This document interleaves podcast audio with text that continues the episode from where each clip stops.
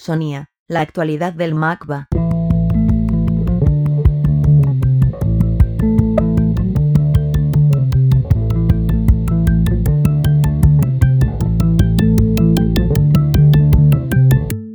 Artista pluridisciplinar, educador y colaborador habitual del MACBA, Jordi Ferreiro investiga en el campo de la educación y la comunicación del arte. Sus trabajos implican a públicos diversos que participan en la configuración final de la obra, y a menudo adoptan la forma de visitas guiadas, talleres, happenings participativos, hiperficciones y juegos de rol de acción real. Conversación con el museo, un paseo hasta arena. Es su obra más reciente.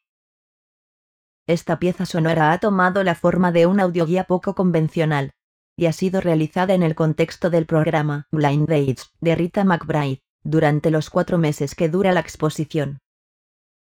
Sonia habla con Jordi Ferreiro de otras formas de relacionarse con el museo, y de su conversación con la exposición de Rita McBride. Conversación con el museo, un paseo hasta arena. Jordi Ferreiro, artista y educador, una conversación con el museo es una pieza que he realizado para MACBA, para el evento Blind Dates de la exposición Rita McBride.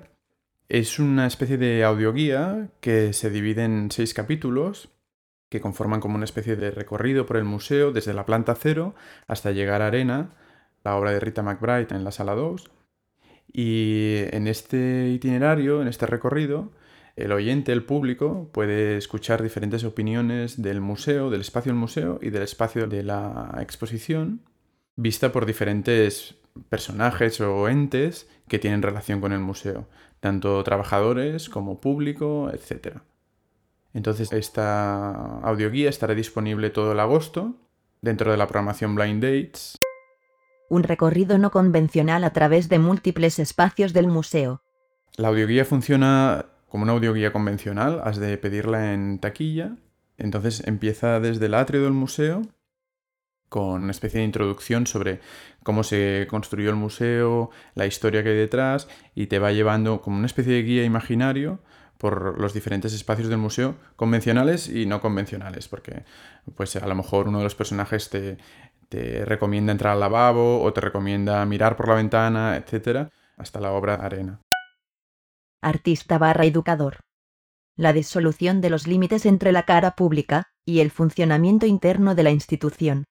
Aparte de mi faceta como artista, tengo una faceta como educador. O sea, trabajo en muchos servicios educativos, tanto en el MACBA como Caixa Forum, etc. Y veo el museo desde el otro lado, ¿no? Y eso es una cosa que me obsesiona mucho y que uso constantemente en mi trabajo. Como el espacio, la exposición, la obra de arte, eh, los artistas e incluso el público son vistos desde el otro lado de la barrera, ¿no? Y es una cosa que sucede mucho en mis trabajos, por ejemplo, en una pieza anterior, que se llama Una urbanización en el cielo, ya había usado cosas que exploró más en una conversación con el museo. Como por ejemplo, eh, lo que habíamos hecho en la obra anterior era hacer una audioguía con la opinión del personal de seguridad de cada una de las obras del museo. Lo que pasa es que bueno, el formato de ese trabajo era una conferencia, con lo cual no se podía escuchar la audioguía, simplemente unos pequeños extractos del audio, pero nada más. En este trabajo nuevo lo que he intentado es como teatralizar toda esa información que hace años que voy coleccionando de alguna manera en un formato que el público lo pueda escuchar de una manera casi como una visita guiada, pero sin nadie allí que la explique, como un guía imaginario un poco. La importancia del directo y los procesos de trabajo. Yo anteriormente hacía muchas obras como, como más convencionales de papel, más escultóricas, etc. ¿no? Pero siempre tenía como un interés en el proceso de construirlas con el propio público. De hecho, por eso muchos de mis trabajos son workshops de alguna manera. Es un formato un poco extraño, pero me interesaba muchísimo como más el proceso de construir la obra que la propia obra en sí. ¿no? Eh, los primeros trabajos que hacía los hacía yo con mi sobrina, que en aquel momento tenía cuatro años y me daba igual si estaban muy bien hechos o muy mal hechos. Para mí lo importante era cómo se habían hecho. Y poco a poco pues ese interés fue creciendo más y el trabajo más físico fue desapareciendo, ¿no? Entonces las últimas obras que he hecho son prácticamente un proceso constante, ¿no? Es como la última obra que hice, que se hizo en Varsovia, era como una especie de audio que sonaba en la sala y bueno, sucedía varias veces al día y era como una experiencia para el público, ¿no? Era como una acción participativa que se hacía en medio de la sala y no se dejaba ninguna constancia más que tres o cuatro fotos y ya está, no había ni vídeo, no había nada más. Era una cosa que sucedía a un horario concreto y ya está, no dejaba ningún rastro más, era casi como nada, una cosa que desaparecía. Ahora mismo me interesa mucho como esa idea, ¿no? Como trabajar cosas que aparecen y desaparecen y no dejan ningún rastro. La relación de conversación con el museo y arena de Rita McBride. Cuando se me propuso participar en Blind Dates, bueno, hicimos un tour con Rita y ella explicaba sobre Arena una cosa que me interesa mucho, que es como que Arena en verdad es una obra que trata de encontrar al público en sí. O sea, el público puede haber al artista, a la obra de arte, a la performance, se puede ver entre ellos. Lo interesante de Arena es que la distancia entre cada grada es muy alta. Si subes un escalón de la grada, estás a mucha distancia y puedes ver al resto del público. Entonces la obra trata un poco como de un espacio casi público, ¿no? porque está dentro de una institución, pero juega con esa idea de, un espacio público en el que la gente se puede encontrar y hablar y, y bueno, etcétera. Pueden desarrollarse diferentes acciones, ¿no? Lo que yo quería con la audioguía es algo parecido, pero en un espacio mental o sonoro, ¿no? Como un espacio donde tú puedes encontrar diferentes personas que están relacionadas con el museo, ¿no? Entonces la audioguía funciona exactamente igual que Arena. Es un espacio donde encuentras a trabajadores del museo, gente del exterior, público. Funciona de la misma manera que Arena. El museo abierto. Un diálogo entre la audioguía y Public Tender. Lo interesante del trabajo de Rita en esta exposición es como un poco intentar abrir el museo a todo el mundo, ¿no? Esa es la idea en verdad que tenía Richard Meyer al construir el edificio.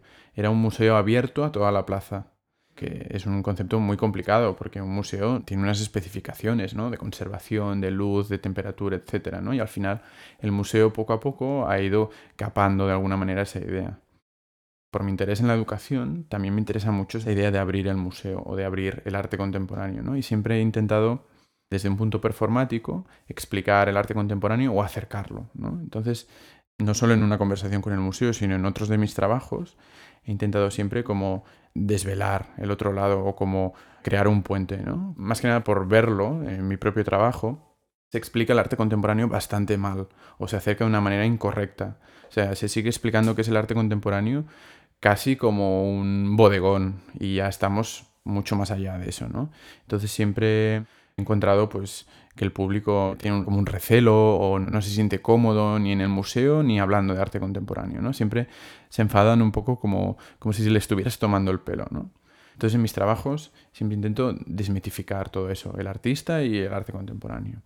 Y intento, bueno, yo me siento muy cómodo utilizando como un formato de juego, porque la gente cuando la introduces en un juego pierde todos los prejuicios ¿no? y se quita todas las capas. Entonces, usando el juego, tanto como educador o como artista, he intentado como abrir eh, el museo o acercar el arte contemporáneo.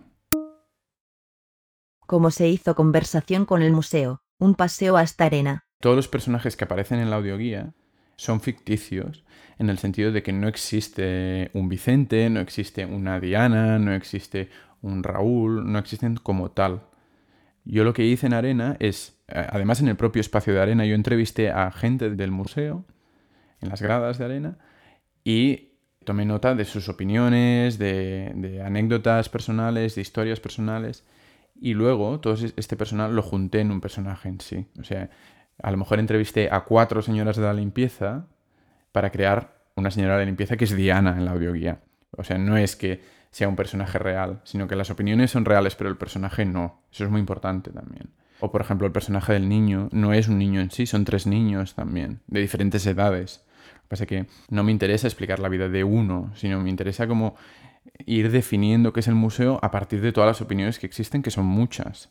Entonces, la decisión de usar una voz robótica era muy importante, porque usar una voz humana me parecía un poco como mentir, me parecía un poco como teatro. En cambio, usar una voz robótica, el robot por supuesto no miente, ¿eh? porque dice lo que tú le dices, lo que escribes. Entonces yo me he pasado un tiempo como redactando una especie de guion, teatralizando un poco este personaje, eh, hecho de varias opiniones, y el robot es el que hace la locución. Entonces yo me siento mucho más cómodo así, como el robot explicando esta especie de ficción.